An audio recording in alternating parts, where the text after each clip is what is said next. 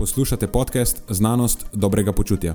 To je oddaja, v kateri odkrivamo, kako lahko znanost pomaga izboljšati vaše počutje in kako kritično razmišljanje omogoča sprejemanje dobrih odločitev na področju zdravja in fitnesa.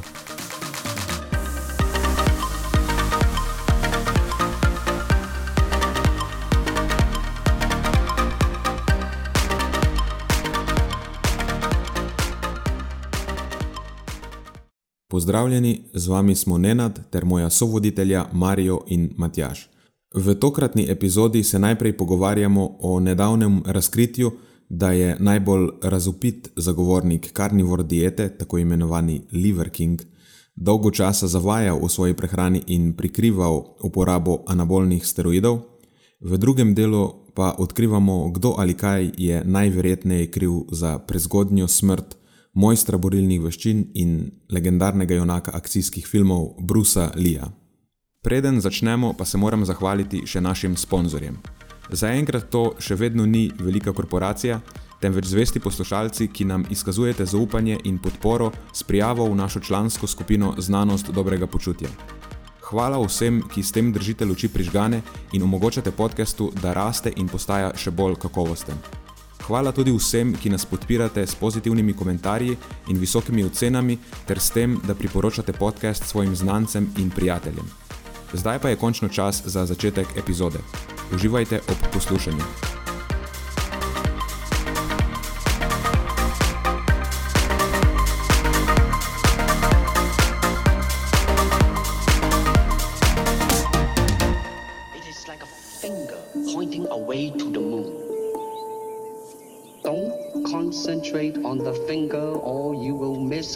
That heavenly glory. Empty your mind, be formless, shapeless, like water. Water, like water, like water. Water can flow or it can crash. Be water, my friend. Empty your mind, be formless, shapeless, so to Bruce Lee reference, že v samem štartu? Yes, indeed. Be water, my friend. kako, kako ironično, glede na to, o čem se bomo pogovarjali. A boš kar v startu um, naredil en spoiler? Ne, ni spoiler. Mislim, ni spoiler. Zaenkrat ne vejo, da je spoiler. No, sam, sam povem, če bomo. Je pa zato ironično. Je pa zato ironično. Hotel sem nastaviti že vse. Uspela ti je. Da, da, bo, da bo ironija očitna da ne bo komu odletelo nad glavo. Ne, mislim, mislim, da bo težko. Po, po tem, ko boš zaupal poslušalcem, dogajanje v zadju, bo vse jasno. Okay. Torej, za danes smo rekli, da bomo zadeve malo spremenili in se bomo pogovarjali o zanimivostih in aktualnostih, ki so se zgodile na področjih, ki lahko rečemo, tangirajo na vem, fitness ali pa skrb za zdravje. Uh. -huh. Uh, v bistvu je kar ene par tem pripravljenih. Jaz sem jim še nekaj imena dal na koncu. Ja, sploh ker prejšnji teden se je zgodilo nekaj, kar ne vem, sicer če uh, slovenska fitness množica temu sledi, ampak sem pripričan, da nek del bo vedel, zakaj se gre. A govoriš slučajno o aferi Jettergate, a.k.a. afera kralja Jetter? Ja, v Liver Kingu, tako je. Tako da Eh, dve smrti, eno pravo in eno simbolično, moramo obdelati, torej Bruslija in Liver Kinga. Oba dva groteskna lika. In pa še nekaj druge malenkosti, smo rekli, ajetko. Uh -huh. uh, kako že, koliko se lahko zrediš v enem dnevu? Ja. Nekaj tisti Death by Chocolate model. Tako. Uh, še en potem, grotesken model, v bistvu. Še en grotesken model, ja. A, Marijove Blackjack lekcije. Aha, ob, okay, obvezen sestavni del tega. To sem pozabil, tega nisem imel vključenega, absolutno, ne smemo pozabiti. Pa sta pa le dve krajši tebi, ne vem, če se dotaknemo spoh ali ne, ampak eh, ne tako dobro skriti kofeinu, Coca-Coli, pa koliko časa traja, da se pica speče. Ja. E, to je to. To je to. Mislim, absolutno moramo to omeniti. Zdaj, Marijo mi mora najprej povedati, če je spoh seznanjen z, z afero uh, Liver Kinga. A veš, da sem, ne boš verjel. Ja. Tudi mene je presenetilo, kako je to do mene prišlo, ker ponovadi take stvari um, zletijo mimo. Uh, ampak mi je bilo pa, uh, kot veš, ne, imamo, imamo dve stranki, ki sta uh, zelo mlada, fanta, zelo fascin, fascinirana nad um, socialnimi mediji, mediji, nad Instagramom, predvsem se mi zdi, kjer imajo uh, razni bodybuilderi in, in, in fitness entuzijasti navado objavljati svoje protokole, protokole treningov, protokole prehrane in pol implicirati na nek način, da pa njihov uh, nenormalen izgled um, je posledica tega, ne, teh, teh svojih praks. In seveda mlajši, a ne imajo pol um, težavo razumeti, zakaj so pa potem naša priporočila, kdaj, praviloma, um, povsem drugačna. Um, ali pa kar precej, precej se ločijo od, od, od njihovih. In uh, to se je zgodilo tudi v tem primeru, ko je, sta, sta dva fanta trenirala tako dobesedno po protokolu Arnolda Schwarzeneggerja na ne vem, kakšni dozi steroidov. Uh, Um, in, no, ona dva sta, nista bila na dozi steroidov. No, ona dva nista bila na dozi steroidov, ampak sta kopirala pač ta program treninga. Zato, ker, oziroma, samo, sta, samo zdravi dozi testosterona za svoje ja, leta. Tam v 16, 17, 18, ne, takrat v bistvu smo fanti že nekako po, po, po naravni poti suplementirani. In, in, do za pubertete, se reče temu. Ja, do za pubertete. Ja in sta začele nekako izražati simptome pretreniranosti, ne, ki so še tako bili bolj izraziti, um, kljub puberteti. In starša so to opazila in sta rekla: Ok, neka starša obiskuje ta vadbo pri nas, uh, ali lahko mogoče pomagate tem našim bikcam, a ne ona da reče, da bikca. Uh, ker tole ne bo šlo v pravo smer. Uh, on je že tako nakofeiniziran in, in tako pretreniran, da že ne ga čist uh, uh, zvija in, in trese, in ne more spati, in, in tako razpizdi ga vsaka malenkost. Uh, in smo rekli, okay, bomo poskušali narediti nekaj sprememb, oziroma prilagoditev, in valjda, ne, tukaj se zdaj navezujem nazaj. Te prilagoditve niso bile skladne s priporočili Instagram bodybuilderjev, ne, ki, ki so bistveno bolj nabiti od mene in od Matjaža in od Tima. In, In, in, in komunicirajo znanje, ki je povsem drugačno od našega. Ne? In zdaj, No, da se vrnem na to zgodbo, in pa se je glih zgodila ta afera, ne, ki, ki je bila tako, a, veš, ne ga srtne. Ne, niso glih taki zato, ker počnejo to, kar govorijo, da nekako počnejo. No, in to, to mi je, zato mi je bila zanimiva zgodba. No. Ne poznam pa seveda vseh uh, podrobnosti in, in posledic uh, za to osebo. Mogoče najprej, kot... ker, ne, Uh, omenjal si Švarca, ne gre. gre ne? Ja, ampak ja. Liver King je ena povsem druga oseba. ja, um. vem, gre, gre za to, da, da, da seveda, če zanemariš ta fakt, ne, da se to, tako Švarceneger in bodybuilder v tistih časih, kot pač on v trenutnem času, si pomagajo na, na razno razne načine doseči neke uh, telesne proporcije, ki, o, o katerih se ne komunicira. Ne tako odkrito, kot se mogoče, ali pa navdušeno, kot se komunicira neke protokole treninga in prehranske strategije, pa lahko malo zmotno pripišeš na račun, če se gre največ zaslug. Uh -huh. Ok, dajmo začeti na začetku, ker mogoče je zdaj kdo zmeden, ko to posluša. Um, Liver King je neka uh, umetno ustvarjena persona. V bistvu je nek zelo grotesken lik, ki je hodil okoli, bil je full nabit, ampak je on pripisoval to svojo eh, postavo in telesno sestavo ne uporabi anaboličnih steroidov, ki, ki uporabo teh je konstantno zanikal. On je rekel, da je njegovo robustno zdravje in še bolj robusten izgled posledica nine ancestral tenants, kako bi to prevedli, nekih devetih eh, predniških mm, temeljev, ki jim ja. sledi, ne? ki so ključ do robustnega in dolgega življenja, takšnega, kot smo ga živeli v evolucijski preteklosti. V bistvu gre za neko glorificiranje. Um, Uh, ne vem, če je glorificiranje prava beseda, ker vse skupaj je uh, bilo tako karikatura. Je bilo, no? Ampak glorificiranje nečesa, kar smo živeli v preteklosti, v, ne, v svoji evolucijski preteklosti. Uh, Um, Dočim ta cela zgodba pravim, je, meni je blizu izraz ta flintstonizacija, ta, tak nek karikiran pogled na našo evolucijsko preteklost. No, on je bil to. ja, neke vrste uh, fitness, jamski človek, uh, ki se vrača nazaj v preteklost, uh, yeah. Ja. živi od ki... uh, surovih uh, mesnih izdelkov, jeter in tako naprej. Se ne tušira, tudi če prav razumem, oziroma ne uporablja mila in nekih drugih teh modernih pripomočkov, če jim lahko tako rečemo. In to ne bi prispevalo k njegovi moškosti, izjemno visokim ravnem testosterona in, in rastnega hormona. Ja, torej, te nine ancestral tenets, torej teh eh, devet predniških načel, so bili eh, spanje, hrana, premikanje, shield je bilo, ne vem, ščitanje, ne vem česa, connect je povezovanje, eh, potem mraz, sonce, povezovanje in um, boj oziroma fight. In če živiš po teh načelih, potem postaneš primal. No, človek, ne vem, tudi svojo publiko naslavo kot Hello, primals. Ne, ti si bistveno bolj seznanjen z njim. Ne, pazi to. Kar sem si ja, predstavljal v štartu. Po, po sili razmer, po sili razmer. Vsake tok časa sem dobil inbox, nek Liver Kingov video in sem me vprašal, hej, kaj pa to? Zgleda ful, ne, odbito.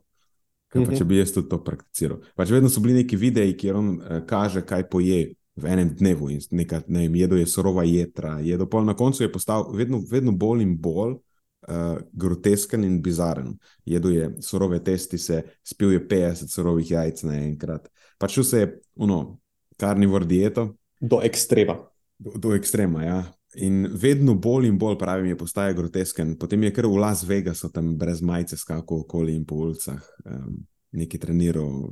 Njegove izjave so bile stila, da on vsak dan sonči svoje jajca, ker to poviša ravni testosterona, da jih izpostavlja sonce, pomeni, ne, svojo mednožje izpostavlja sonce. Um, kaj je bilo še? Pač kup, kupenih bizarnih stvari. No? In namen tega, kot pravim, to je bil umetno ustvarjen lik. Jaz ne vem, če ta model v resnici to verjame, mogoče, kaj pa jaz vem. Ampak bil umetno ustvarjen lik, da pritegne pozornost, ker Namen tega je bil, da on proda svoj supplement line, torej svojo linijo prehranskih dopolnil, ki se, kako se je reklo že, oziroma se še zmeraj obstaja. Ne vem točno, ampak tukaj je že samo ena izmed tisočih ironij te zgodbe. Veš, prehranska dopolnila, eh, medtem ko promoviraš nek pravi lifestyle. Čisto drugega. Na robe. Na robe. A, ja, ja, seveda. To, to niso bila prehranska dopolnila. Kaj, kar je on prodajal, so bile eh, pač uprašeni živalski organi. Torej, v kapsulah so bila jedra, so bili pol kasneje so to razširili, ne, ko so kao ljudje videli, kako to jim ful pomaga. Aka, ko je on začel jesti surove testi, se tudi na, na videih, pa so vprašali še to in vprašali so uh, ta thymus gland. Priželc. Priželc, ja. in kupenih drugih organov, da kao, če tega ne moreš zaužiti z normalno prehrano, ne, če recimo ne poznaš recepta, kako pripraviti priželc, potem pa lahko vzameš kapsulo in rešiš probleme. Če nisi dovolj spravil, da ne poješ tega v surovi obliki. Tako, ne, ker evidentno je to nekaj, kar moraš delati, če hočeš biti močan kot on, če hočeš gledati na bit kot on, ne, živeti robustno in življenje in biti primal. Če biti, hočeš biti pripadnik njegovega klana, pa to moraš delati. In če ne poznaš recepta za prižilca, pa če ti jedra niso všeč, pa lahko to dosežeš za uporabo njegovih, pač, ne vem, dopolnil, rečemo temu. In to je bil ta cel štik. Ne? On je bil pač ta grotesken model, ki, s, s katerim je pritegnil pozornost, da je lahko širil svoje sporočilo. Njegovo sporočilo je, zdaj tukaj je spet tako. Ne? Če pogledaš te nine ancestral tenants, ki so eh, temelji njegovega sporočila, zdaj slip to, da moraš spati, ni, ni tako negativno. Ne? Primerna prehrana, kot samo sporočilo, je super, sam to, kar je on delal, ni bila primerna prehrana. Potem gibanje spet. Mislim, debatiramo lahko, da obstajajo bolj pametni načini treninga kot tisti, ki jih je on delal, ampak ne, spodbujanje gibanja spet ni, ni, ni slabo. Pol connect, ne, da se povezuješ z ljudmi okoli sebe, da si gradiš neko svoje pleme, spet ni najslabša stvar na svetu. Izpostavljanje soncu, ne, tukaj v njegovem problemu je bilo to problematično, ker je pač neumno. Ja, se je fajn je iti na sonce, sam ne brez da se namažeš s, sončne kremo. Ja, pa Pa jajca, mogoče, po, mogoče postiš testi se vhlačati. Ja, Ja, ja. Ja, pa jajca ne rabiš jih ne. Mislim, Tukaj je kup enih sporočil, ki v osnovi niso slaba, samo na, na, način, način, kot je on oglaševal, da se to naj počne, je doskrat bil škodljiv. ne. Soncu, sonce je en, ta, en tak primer. On je bil proti sončnim kremam, ker nekoč to nismo počeli. Ja, ne vem, na tej točki, če moramo še kaj povedati. Mislim, da smo persono kar dobro eh, predstavili. No, na koncu se je izkazalo, da njegovo, njegova eh, neverjetna telesna sestava ni bila posledica Nine Ancestral Tenants, ampak je bila posledica uporabe anaboličnih steroidov. In tako, ker lepih odmerkov anaboličnih steroidov, mislim, da je nekdo ocenil, da je 15 tisoč eh, dolarjev na mesec stala njegova kura. Njegov, njegova kura. Ja. Jaz zdaj mislim, da vsak, ki ima dve očesi, pa vsaj nekaj časa se bavi v fitness industriji, ni bilo glih zelo presenetljivo, ampak uh, morda za kakšno populacijo, predvsem mlajših posameznikov, kot si ti, Marijo, izpostavil, pa eh, mogoče potem te res pritegnejo nekateri te nori aspekti lifestyla in je potem postane to še toliko bolj problematično uh, propagiranje uh, informacij, ki jih je on uh, dajal v eter. Pa ja, pa to je že stara zgodba. Veš, v bistvu, tako kot veš, tako časa že a, ne sem v tej industriji in še pred Facebookom, Instagramom sem imel priložnost delati v fitnesih, kjer so trenerji um, uporabljali te- reči. Vem, da so jih uporabljali, ker sem bil zdraven, ko so jih uporabljali, in potem so nekako uporabljali ta svoj izoblikovan lik, da so pridobivali stranke ki so jih potem navduševa, navduševali nad principi treninga, ki so jih oni uporabljali. Češ, če boste trenirali tako, kot treniram jaz, boste taki, kot pač sem jaz, so uspeli pač nekako navduševati s tem svojim videzom. Kar pa ne vemo, da ni bila posledica tega treninga, ampak vsega, kar se je dogajalo v garderobah in ne za zaprtimi vrati. In že takrat je bila ta ista, nekako v principu zgodba, ki je potem s pojavom socialnih medijev samo ne doživela res razcvet, ne ni bila več omejena samo na stranke takih ljudi, ampak ker so postali vplivneži, so imeli bistveno širši doseg. Um, nažalost, tudi na, na, na mlade, ne, ki to zdaj lahko nekako lažje spremljajo. In to je zdaj ena izmed takih stvari, ki je bila bolj odmevnih, ki, ki kaže glih na to problematiko. In um, meni je sam žal, da enostavno je res tok, tok na nek način to enostavno. Res je enostavno. Ne? Se pravi, res greš lahko v bizarnosti, kot je Nena dopisal. To je nekaj, kar lahko počneš brez nekih posledic, težav. Sploh ne vem, res ne nad več ve o tem, me zanima. A recimo za en zdaj, ko je to prišlo ven, a sploh bojo kakršne koli posledice, razen mogoče neke izgube dosega. Um, res se, se sprašujem, a kakršne koli pravne ali drugačne posledice lahko pričakuje. Vprašanje, če bo on sploh kaj dosega izgubil s tem. Ja, Posnel je celo nek video upravičilo, ki je pol itak absurden na koncu. Hotel se je upravičiti, ja, naredil sem napako, ampak jaz sem hotel sebe spremeniti v to groteskno, v ta grotesken lik, zato da bi potem lažje širil svoje sporočilo, ker moje sporočilo je pa v bistvu dobro, ne? ker uh, jaz hočem ozaveščati o tem, da ljudje na račun slabega življenjskega sloga, uh, slabe samo podobe, ne, nezadovoljstva samim sabo, so, imajo da, se, tudi mentalne težave, so slabšega zdravja na splošno. In zdaj jaz sem sebe spremenil v tega, ta grotesken lik, da me bodo vsi poslušali in bom lahko svoje nine-ancestral tenants prenesel in jim bom tako s tem pomagal. Ne. Kar je bilo tako, model, kaj ti govoriš, ti si razlog, zakaj imajo ljudje slabo samo podobo. Uh -huh. In pol, da on, tudi on je imel v mladosti težave in da, da ima še skozi slabo samo podobo. Uh, ne vem, pa pet na terapijo, mislim, ne uh, postaviti grotesken lik. To, to ni prav- terapija.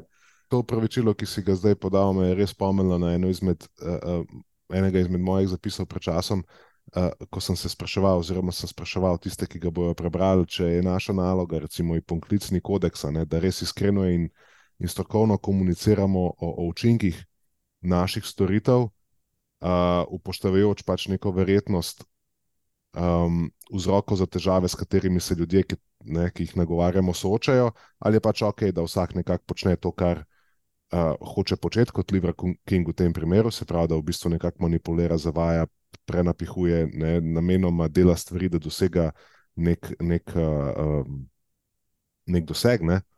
Um, pa tudi, če na nek način obstajajo kolateralne žrtve tega, ne, kar verjamem, da so najbrž bile. In me je spomnil na en um, komentar ne, nekoga pod ta zapis iz naše industrije, da pač dober marketing pripelje ljudi, a ne ti pa jim pol pač daš neko obravnavo in če znaš rešiti njihove težave, je to pač win-win. In, in zakaj sem se tega spomnil zdaj? Kot si rekel, ne, opravičilo je pač še bolj bizarno kot samo početje, oziroma ta racionalizacija. Češ, ne, vse jaz na nek način lahko lažem, zavajam, uh, ne, govorim razno razne neumnosti, ampak če potem uspem s tem komu pomagati, a ne, konec dober, vse dobro. Ne, se pravi, na nek način cilj upravičuje sredstva, in, in to je nek, nek, nek način, ki ga poskušajo, oziroma poskušamo tudi v naši industriji um, uporabljati ne, v bran našim, recimo, včasih celo podlim praksam. E, to je točno to, kar je počel Liver King. Uh mhm. -huh. to, to je ista stvar. On je samo bistveno bolj grotesken, no? po, bolj očitno je. Mislim, očitno ne, očitno ne vsem, očitno ni vsem očitno bilo. Ampak on je samo, on, on ni problem, Liver King ni, ni bil problem. Okay? Tako, pač. Liver King je samo najbolj oči, očiten simptom tega, kar se trenutno dogaja v fitness industriji. Ne, ostali, ki so problem na podoben način, probajo samo ostati malo bolj proti radarjem, niso tako eh, predrzni, kaj pa jaz vem. Ne, da, bi, da bi upali na, na tako grotesken način pritegniti pozornost. Ampak to, da je, bo zdaj šel, tudi če bo šel v Liver King stran, kar ne verjamem, ne, ker lej, njegov supplement company, oziroma njegovo to podjetje uh, s prehranskimi dopolnili, je, je zelo lukrativno. To, so, to so eh, več deset milijonski zaslužek na letni ravni, kar pomeni, da tukaj mora biti milijon nekih ljudi v zadju, ki to kupujejo. Veš, tudi, če on zdaj njih par zgubi na račun tega, mislim, realno ne. Spet tukaj zdaj lahko izpadem malo eh, ne preveč sočuten, ampak to pomeni, da mora biti tako par milijonov neumnih ljudi v zadju. Ne? In zdaj, če eh, ne verjamem, da bodo oni jih spremljali, pa objektivno ocenili v to celo zadevo. Jaz verjamem, da bodo še zmeraj kupovali naprej.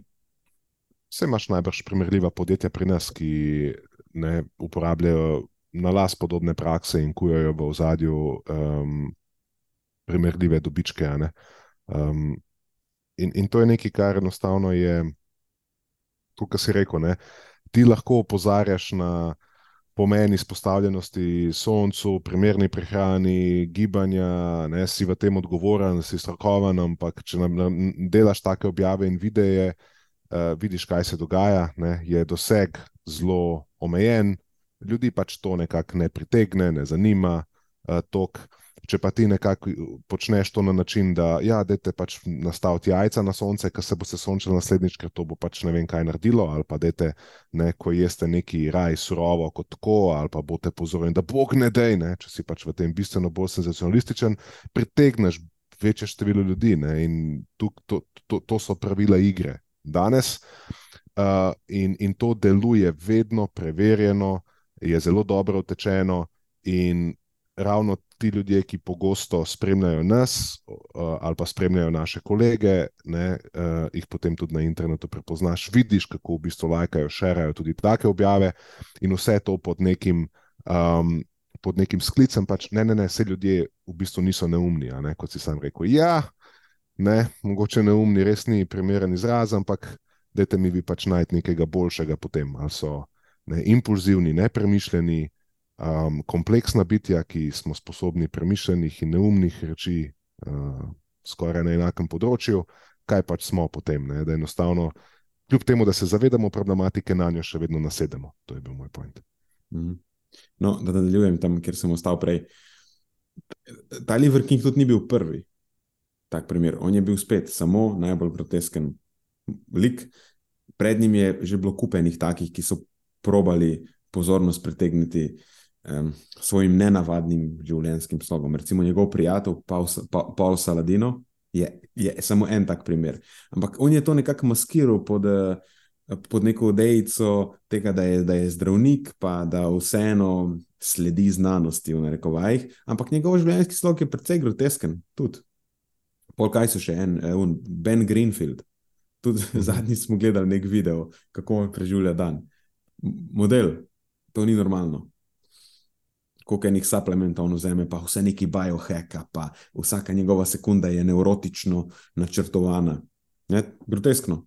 Po je bil pred njim, recimo, Dave Asprey, pa njegov bulletproof, eh, pa biohacking lifestyle. Isto tako, mislim, če, če res dobro pogledaš, model to je groteskno. Ampak je pa zelo nenavadno in eh, vzbuja pozornost. In v, v tem videu, ki je nekako odkril eh, resnico v Liver Kingu, kjer so predstavili te maile, ko si je Liver King dopisoval svojim trenerjem, ki mu je naročal, kako mora imeti svoja, eh, svoje posebne, špo, posebne športne dopolnila, ne? special sports supplements, torej anabolične steroide. V, v tem videu je tudi dobro predstavljen koncept šarlatana, ker v bistvu Liver King je bil najboljša personalifikacija šarlatana, kot ga poznamo na splošno, in tudi šarlatana, kot jih kar nekaj obstaja danes na našem področju. Ne, po definiciji je on predstavil šarlatana kot osebo, ki se pretvarja, da ima neko strokovno znanje ali veščine, ki jih v resnici nima, in po drugo točko, da je nek zelo nameren uh, trickster, uh, torej neka uh, neresnična fake oseba, ki zavaja za osebni dobiček. In tukaj je potem on še izpostavil tri ključne besede, ki so znanje, veščine in dobiček. Prva znanje se nanaša na to, da ta šarlatan vedno proba reči, ne, da um, on ima neko eh, sveto znanje, sacred znanje, veš, ki je edinstveno za njega, da je on je zdaj ugotovil nekaj, kar ne ve nihče drug, samo on, ali pa zelo omejen krok ljudi okoli njega, In potem je zaradi tega on nek eh, odrešenik, ki zdaj bo to svoje znanje prenesel in razširil na vse nas in nam s tem rešil uh, vse naše probleme.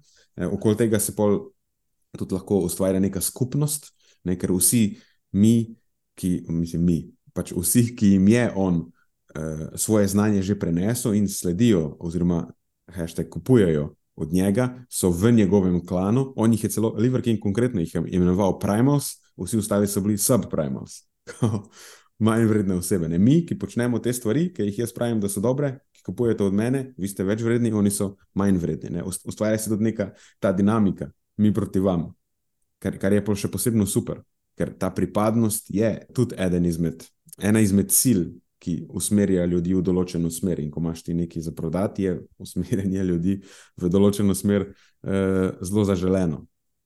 In potem druga beseda od unih ključnih zgoraj v definiciji je veščine. Ne, torej, da imaš ti neke posebne veščine oziroma neko posebno metodo, ki je hkrati sicer lahko per, eh, personalizirana, ampak tudi generalizirana, ker bo rešilo tvoj konkreten eh, problem, specifičen problem, ker vsak od nas ima specifične probleme, ampak je pa hkrati tudi dovolj generalizirana, da se na splošno vse probleme rešuje. Ne. In če pogledaš te nine ancestral tenants, je.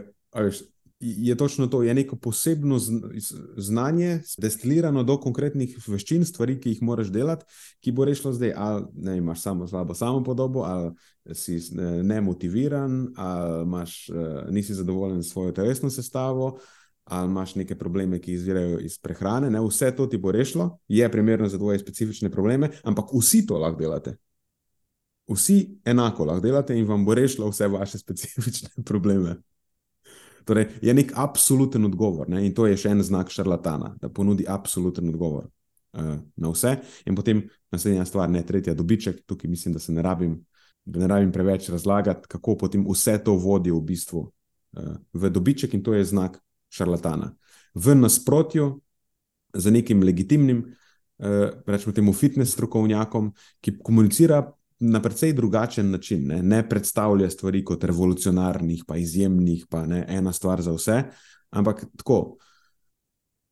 Vedno je v komunikaciji neka relativno visoka stopnja nijans. Tu v teh situacijah stvari včasih delajo, tam ne delajo, ni vse primerno za vse. Ne. Razumejo, da v večini primerov ne obstaja ena absolutna resnica, eh, ki bi bila koristna za vse in v vseh situacijah. Ne. In tudi, če se kdaj pove kakšna anekdota, recimo šarlatan, njemu so anekdote super, ker rezonirajo z ljudmi, vzbudijo neka čustva. Dočim ko je to narejeno korektno, je potem te anekdote in osebne izkušnje potrebno predstaviti ne, na način, ki upošteva to, da so le anekdote, samo osebne izkušnje, eh, subjektivno vplivanje in potem to predstaviti tudi v luči nek, neke teže dokazov. To, to se mi zdi, da so ključne razlike. Ne? Plus to, da verodostojen, eh, rečemo temu, fitness strokovnjak spet.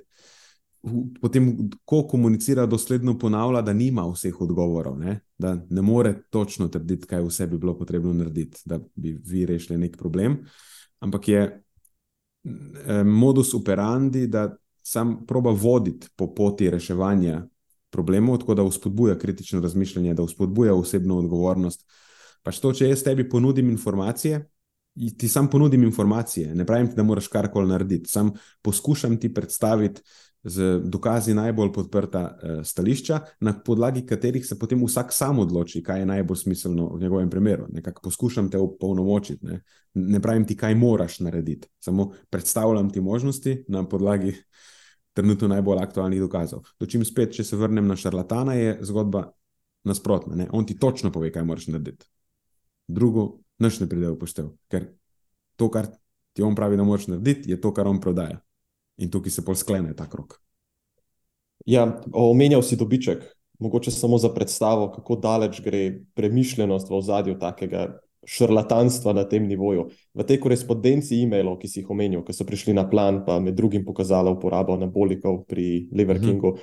bil je tudi izpostavljen načrt, oziroma podana je bila trditev, kako bo to podjetje v naslednjem letu prišlo okrog te persone Liver Kinga do milijona sledilcev na socialnih omrežjih.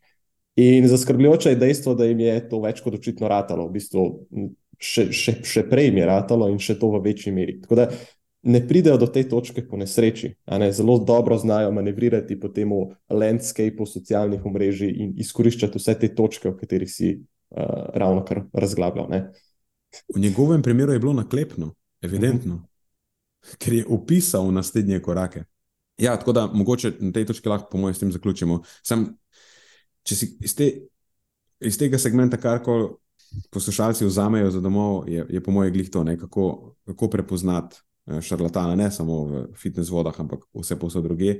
Je nekdo, ki ti ponuja absoluten odgovor na vse, nekaj, kar bo a, zagotovo rešilo tvoje težave, ne, ne, ne dopušča nobene sivine tukaj, ne. on ima nekaj posebnega za te in točno za tvoje probleme, in hkrati je to nekaj, kar on prodaja.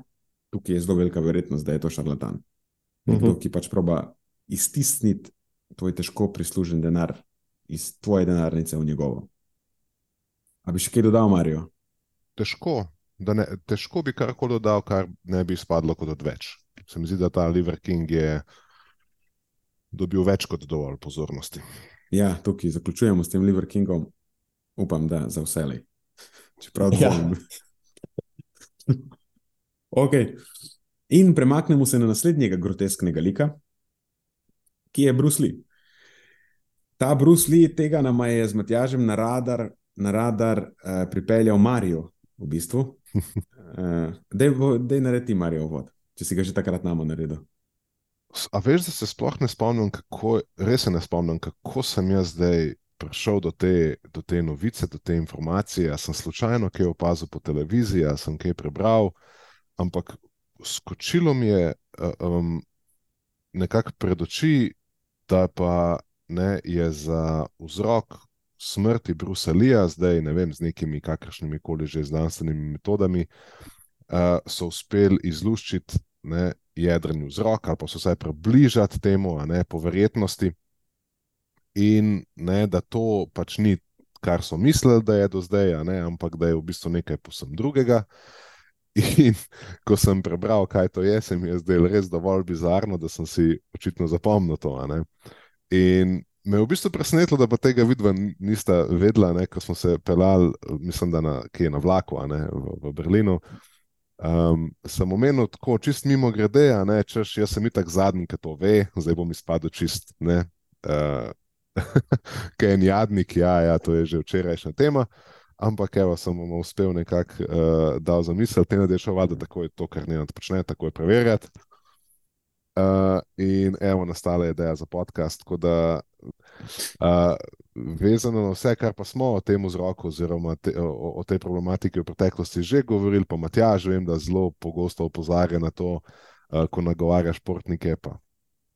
Ne, se mi je zdelo pa res evo, idealno, da pa, da pa lahko o tem kaj povemo, oziroma še enkrat uporabimo nek drug vzvod, da o tem opozorimo. Ja, to zdaj izgleda, da je najbolj verjetna razlaga Bruslejeve smrti. V bistvu zgleda kot zelo, zelo verjetna, no? ko, ko greš čez celo zgodbo. Dejansko je bil objavljen članek, strokovno pregledan članek v reviji Clinical Kidney Journal, ki se ukvarja z Bruslejevo smrtjo in postavlja novo hipotezo. To so Vilalvazo in sodelavci 2022. Tako da jaz sem šel ta članek prebrati in v bistvu se bomo zdaj sprehodili čez celo zgodbo, primarno s pomočjo tega članka. Po mojem, vsi vejo, kdo je Brusley, kaj mislite. Mogoče mlajša generacija, ne toliko. Ali pa vem, ne vem. Ne, absolutno poznajo. No, upam, no. Če, če pa ne, pa res že izgubljam malo vero v človeštvo. pač Brusley, da jim tjaž pove, kdo je Brusley. Pa Brusley je legenda borilnih veščin, uh, eden izmed začetnikov, oziroma nekaj, bomo rekli, začetnik tudi teh uh, filmskih uh, mojstrov borilnih veščin, kateremu so pa sledili še številni drugi. Um, je pa umrl zelo mlad uh, in zdaj, končno, tudi jaz vem, zakaj. Jaz sem temu mm -hmm. pripisoval v preteklosti nekatere druge stvari, ampak bom tukaj vrgel žogico nazaj in na to. Okay. Ja, umrl je zelo mlad, umrl je v Hongkongu, že zelo dolgo nazaj, 20. julija 1973, star je bil 32 let in umrl je v sumljivih okoliščinah. Zdaj, zakaj je, poleg tega, da je bil on ne, spet neka e, zanimiva, rečemo v tem primeru, zanimiva persona, je umrl v sumljivih okoliščinah in seveda potem ta kombinacija vzbudi neko, neko zanimanje, posebno za to. Krožile so številne hipoteze, zdaj, zakaj je on umrl, ljudje so se spraševali. Uraden vzrok smrti je zapisan kot eh, hipersenzitivnost na ekvajezik, to je neka kombinacija zdravil, eh, kombinacija aspirina, ki je v tem primeru uporabljen kot nesteroidna protivnetna učinkovina, in meprobata, ki je anksiolitik, in ta zdravila se uporabljajo za lajšanje bolečin, ki jih spremlja anksioznost. Tako da to so po smrti pri njem eh, pokazali, da da je pred smrtjo užival in pač pripisali smrt temu.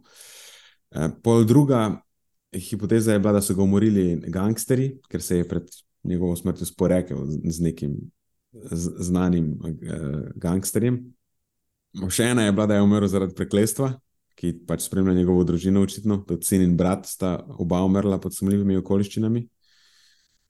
No, potem pa 2018 se je pojavila še ena uh, nova hipoteza, je, da je umrl od vročinske kapi ampak tudi ta hipoteza ima odkotko. Tako da njegova smrt je v bistvu z večjega ostala neznanka. In potem tukaj pride noter ta članek, ki predlaga novo hipotezo. Ta nova hipoteza je um, utemeljena z rezultati Bruslejeve obdukcije, in pa zbrali so kupenih potem javno dostopnih podatkov. Tako da, kar, kar je novega, ta obdukcija je drugače bila znana že prej, kar je novega, so pa ti javno, javno dostopni podatki. Torej, spletli so neko celo zgodbo, ki je utemeljena z, z dokazi. No? In hipoteza je, da je hyponatremija hypothesis iz Who Killed Bruce Lee. Torej, naslov članka je Who Killed Bruce Lee, vprašaj, da je hyponatremija hypothesis. Tako da oni predlagajo, da je vzrok za Bruslejevo smrt hiponatremija. Ker obdukcija ni pokazala nobenih znakov nasilja, um, je pa potrdila cerebralni edem. Torej, Bruslej je imel ob smrti zatečene možgane, um, kopičila se mu je odvečna tekočina v možganih. Uh, to, to jih je uspodbudilo, da razmišljajo v tej smeri. Um, in kar se tiče tega cerebralnega edema, oziroma zatečenih možganov, obstajajo štiri glavni patofiziološki mehanizmi. Je, prvi je vazogeni, pač do tega pride, ko je, je motena funkcija krvno-možganske pregrade, to, tega lahko tako iz, iz, izključimo. Po drugi je celični eh, ali pa citotoksičen, to je načeloma posledica poškodbe možganov. Recimo, če bi se Bruslj udaril v glavo, ali pa bi ga kdo drug udaril v glavo, ali pa bi doživel možgansko kapka in takega, tudi to je bilo izključeno. Um, potem je tretji intersticijski edem, do tega pride zaradi uh, odtekanja cerebrospinalne tekočine iz tega intraventrikularnega prostora v intersticijska področja, in to se zgodi recimo pri uh, meningitisu ali pa hidrocefalosu. In spet, Bruslj ni, ni imel meningitisa, niti ni bil okužen recimo, uh, s kakimi povzročitelji meningitisa ali pa čem takim. Tako da ostaja samo četrta razlaga, ki je najbolj preprosti edem, je osmotski edem, ki se ponavadi zgodi kot posledica hiponatremije. Zgodi se pa to, da zaradi hiponatremije celice v možganjih v narekovaju, potegnejo uh, vodo iz plazme, zaradi ne, zarad neravnovesja v osmolarnosti. Mm, tako da na, na podlagi tega ne, so oni začeli zbirati dokaze v, v podporo tej hipotezi um, hiponatremije, ki naj bi bila kriva za smrt Bruslija. Mogoče zdaj razmišljam, da na tej točki lahko naredimo to koristno, ne samo zanimivo, in malo predstavimo hiponatremijo. In tudi, ko bomo šli potem čez dejavnike tveganja, ki so bili prisotni pri Brusliju, mislim, da bomo lahko še marsi, na marsikaj navezali no? na teh točkah. Um, mogoče sem čisto na hitro, če naredim še uvod v to, kaj je hiponatremija, pa um, kako do tega pride, sem, da se bomo lažje pogovarjali.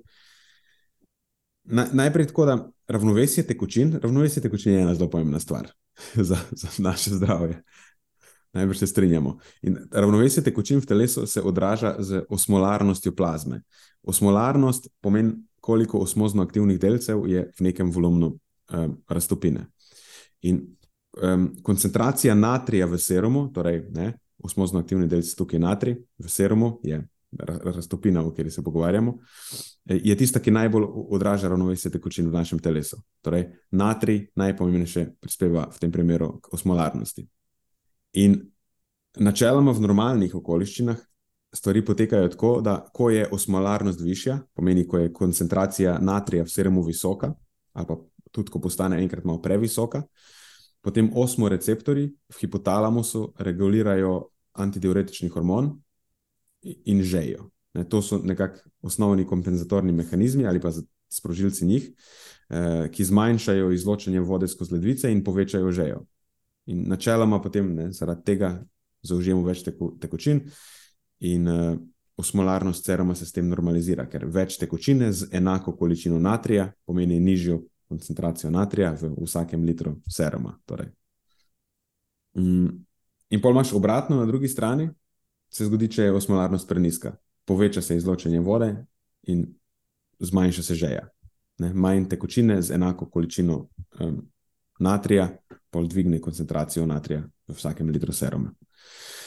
Načeloma so ti kompenzatorni mehanizmi precej robustni in moš početi res neumnosti, da jih povoziš. Sploh, če recimo nimaš prisotnih nekih drugih dejavnikov tveganja, ki bi lahko recimo zmotili delovanje ledvic ali pa povečali izločanje natrija ali pa, ali pa kaj podobnega. Ampak en, so, so pa znani primeri, kjer se lahko čist normalni ljudje pripeljajo do hiponatremije, eh, tudi v čist normalnih okoliščinah, pust maratonci, to bo Matjaš zdaj znal, kaj o tem povedati več, ampak tudi brez telesne dejavnosti, um, brez povečanega potenja ali pa česa takega, če kombiniraš veliko zaužite vode naenkrat, brez dodanega vnosa natrija, se lahko spraviš v težave. In znanje je en primer, ko je neka mama se prijavila na nagradno igro. Nagradna igra je bila za neko računalniško igrico, tekmovali pa so v tem, kdo lahko popije več vode naenkrat, brez da gre na VC. Ona je sicer zmagala, ampak potem umrla zaradi, temu so potem rekli, akutne zastrupitve z vodo. Pač zaradi hiponatremije je umrla. Potem pa ja, še drug tak klasičen primer, pri katerem pride do hiponatremije, pa so Matjaš kaj. Ah, te klasične fizične preizkušnje, recimo v primeru maratonov ali kakšnih daljših vzdržljivostnih preizkušenj, ko se ljudje bolj kot ne samo nacejajo z vodo, ob zanemarjanju vnosa, predvsem natrija oziroma soli. Uh, še en tak tipičen primer, ki se je zgodil tudi ne tako zelo dolgo nazaj, je bilo pa v primeru borilnih veščin, kjer je pogosta praksa ta tako imenovani water loading, torej nenormalno pitje tekočine, pogovarjamo se res o, tudi o desetih litrih dnevno in obenem, če tako kot si ti rekel, ne nad zanemarjaš ta vnos soli sočasno, lahko pride hitro do težav. Ja, drugač pa tudi brez telesne dejavnosti ali pa nekih čudnih takih praks, je 7 do 8 litrov tekočine v zelo kratkem času, je neka splošna ocena problematične količine. To ne moreš narediti po nesreči, no. to hočem reči. Mm, ampak sočasno pa je tudi nekaj, kar se v bistvu da narediti z ne toliko veliko truda. Tako da veš, več kot očitno lahko pride do težav, da si ja, hiter, če, če se namenoma, namenoma se lahko ubije, ubije mm. z vodo. Zdaj, to glih ni najbolj prijetna smrt, po mojem. No. Sliši se ne, no? glede na to, kakšni so simptomi, kaj se dogaja v tvojem telesu, fiziološko, uf, zelo neprijetno. Ja, no, nisem se še poglabljal, ker me ne zanima, ampak sem. Dobro, zdaj, če se vrnemo nazaj k Brusliju. Za Bruslija kaže, da pred smrtjo ni pil smešno visokih količin vode. Ampak obstaja pa možnost, da je imel več dejavnikov tveganja, ki povečajo možnost hiponatremije. V bistvu je imel neko popolno nevihto vsega in na dan smrti je vse to združil z BA. Um, še en pomemben podatek je ta, da je Brusli utrpel cerebralni edem že dva meseca pred smrtjo, ampak so ga takrat sestavili. In eh, seveda, ko imaš cerebralni edem, upravil preiskave, in očitno so te preiskave pokazale, da je imel Brusli težave z ledvicami, uh, da je imel neko akutno poškodbo ledvic, Mm, zakaj točno ne vejo, mogoče vem, zaradi nekih udarcev, zaradi kakih drugih čudnih praks, ali morda, morda zaradi jemanja zdravil. Mogoče imel je akutno poškodbo ledvic in to je ne, moteno delovanje ledvic, je dejavnik tveganja, mogoče celo najpomembnejši za hiponatremijo. Druga stvar, in tukaj pa zdaj pridemo do točke smešnih diet. Brusli je vnašal večje količine tekočin, ne smešno visokih količin naenkrat, ampak definitivno močno nadpovprečne uh, količine tekočine.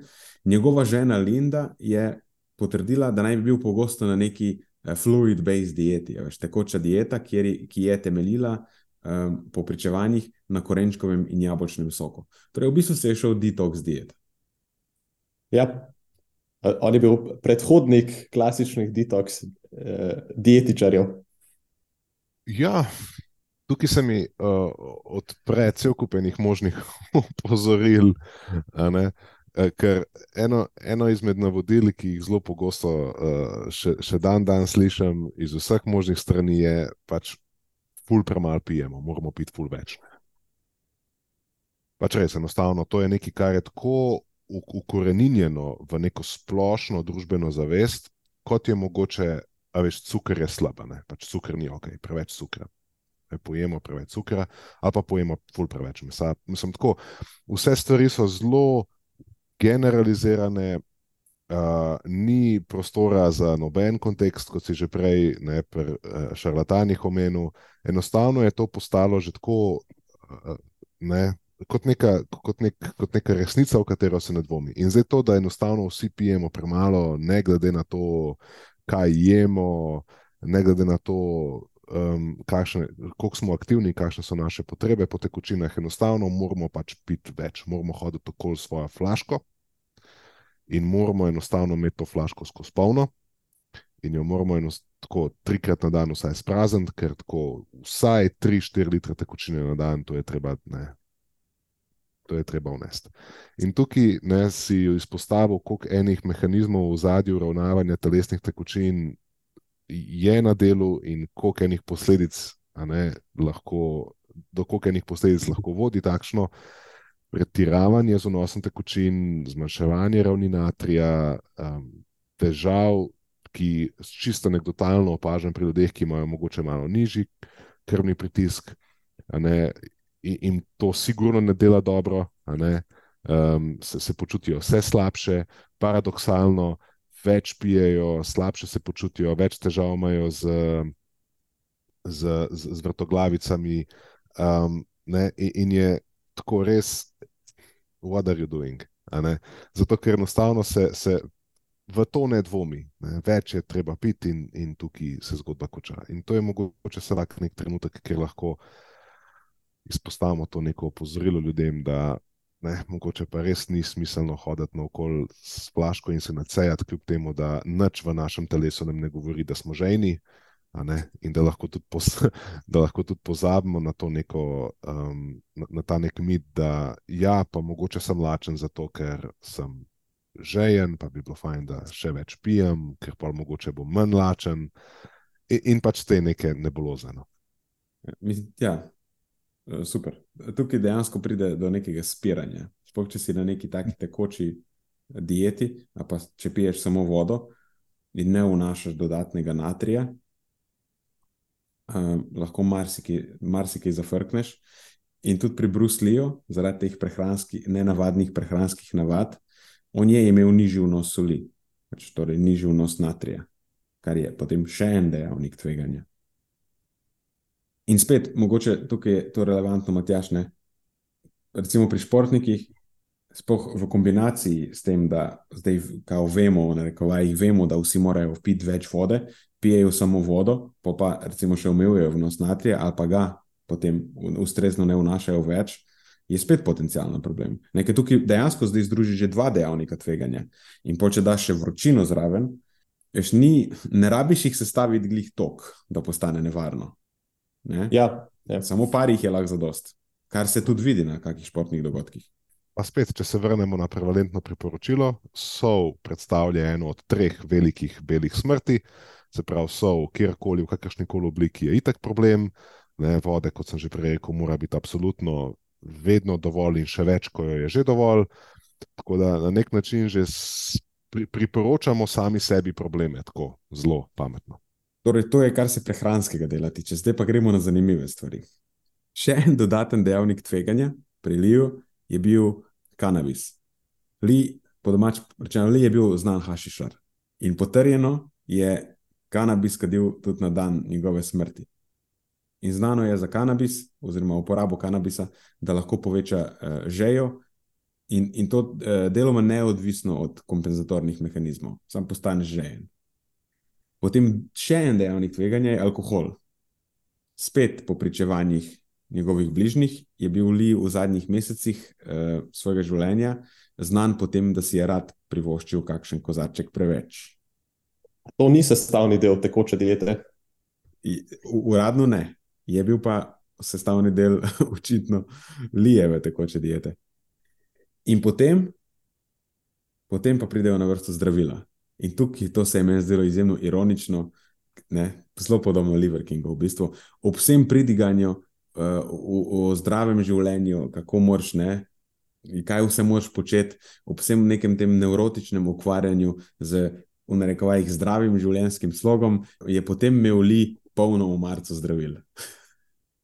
Ja, recimo, se je nekako ohranjati tak lifestyle na tem nivoju, si sploh ne predstavljam, da bi šlo drugače v eni točki dalje.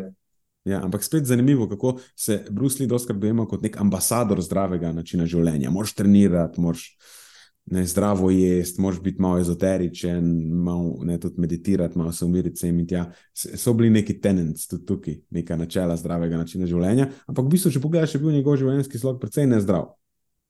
Uh -huh. Mislim, v končni fazi ubil ga je pri 32. Očitno, to je prevladujoča hipoteza trenutno. No, v glavnem, če se vrnem na, na zdravila, uporabljajo diuretike in pazi zdaj, zakaj. Zaradi tega, to je njegove besede, se mi zdi, ker je zaradi tega izgledal bolj ript, bolj izgledal narezan. To je bil, zato je uporabljal diuretike. Zelo instagramabilno. Da je bil bolj instagramabilen po domačem. Takrat sicer ni bilo še Instagrama, ampak pa, je bila pa filmska kamera. Um, In ja, uh, tukaj pri teoretikih je tako, da če glik zmanjšajo količino vode v telesu, um, določeni povečajo tudi izločanje natrija, in če potem ti hkrati vnašaš dodatno vodo konstantno in uh, v kombinaciji s povečanim izpiranjem uh, natrija, mislim, da na tej točki ni več potrebno razlagati, zakaj je to problem. On je dejansko imel teoretike. Da je šlo hitreje, da, so, da je šla tekočina, pa natrij, skupaj z natrijem, hitreje iz njega, hkrati je pa nadpovprečno vnašal tekočino. Ja, neverjetno, koliko uh, teh točk je odkljukal, kar si rekel na začetku, ja. da je bil neke vrste perfect storm, ta Ja. popolna nevihta, da se ravno to zgodi. Ja. Uh, ja. Potem naslednja stvar, še en potencijalni dejavnik tveganja je uživanje opioidov, pa ne steroidnih protivnetnih učinkovin in anabolnih steroidov. Um, Li je bil uporabnik vsega naštetega.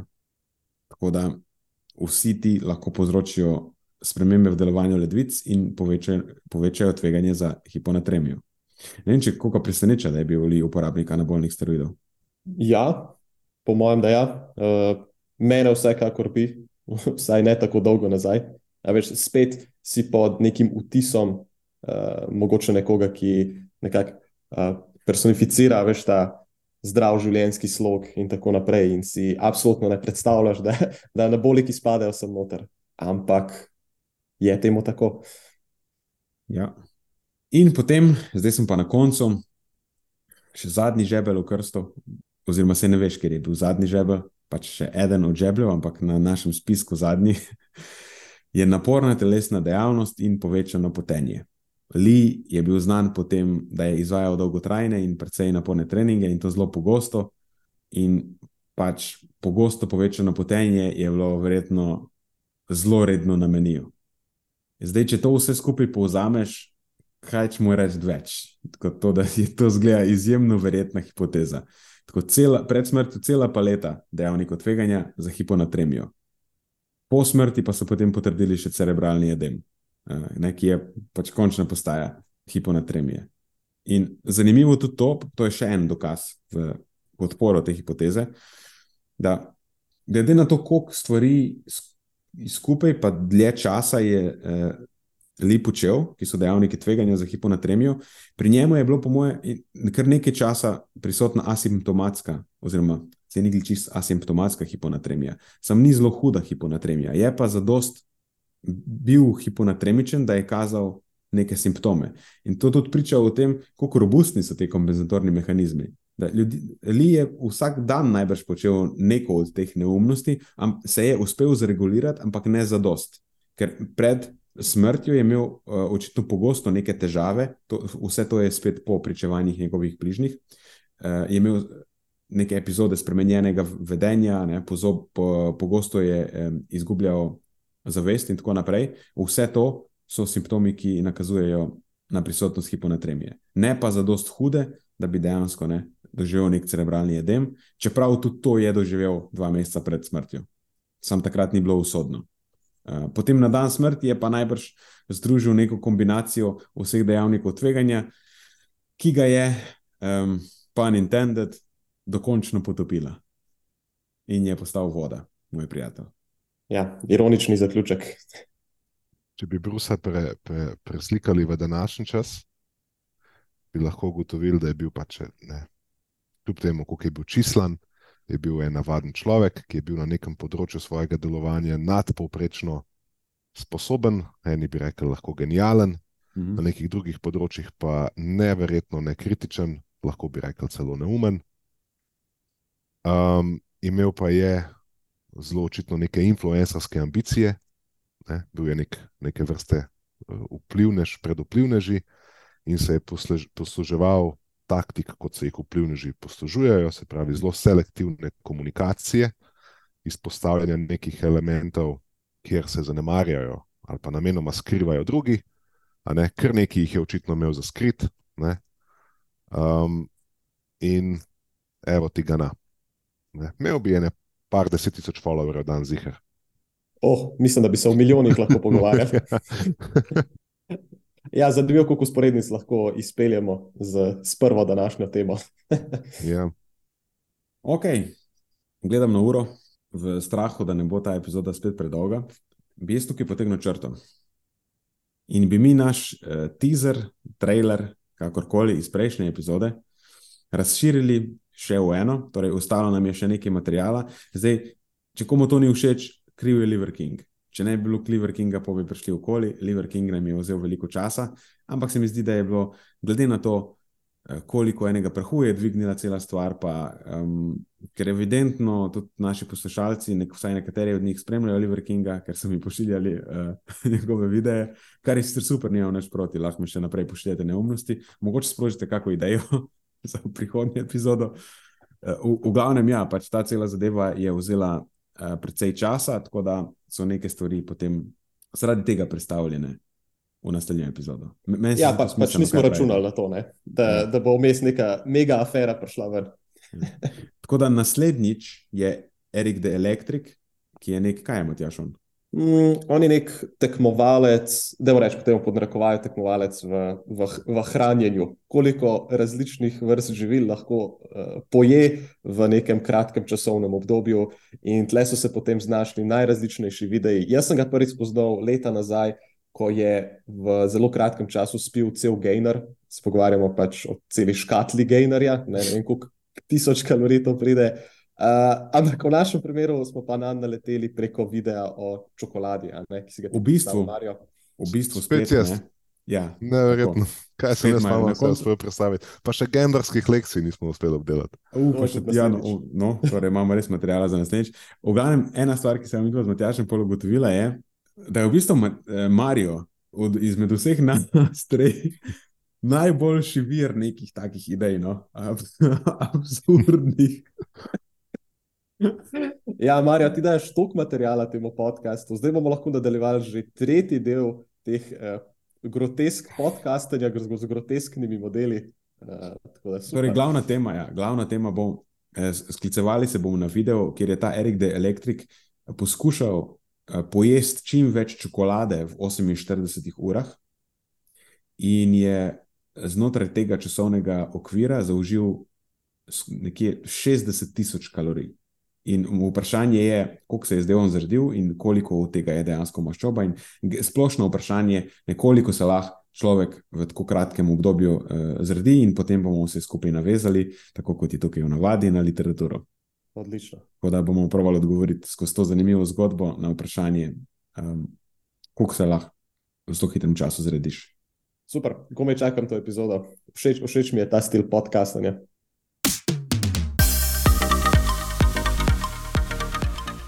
To je za tokrat vse iz naše strani. Hvala, ker ste poslušali do konca.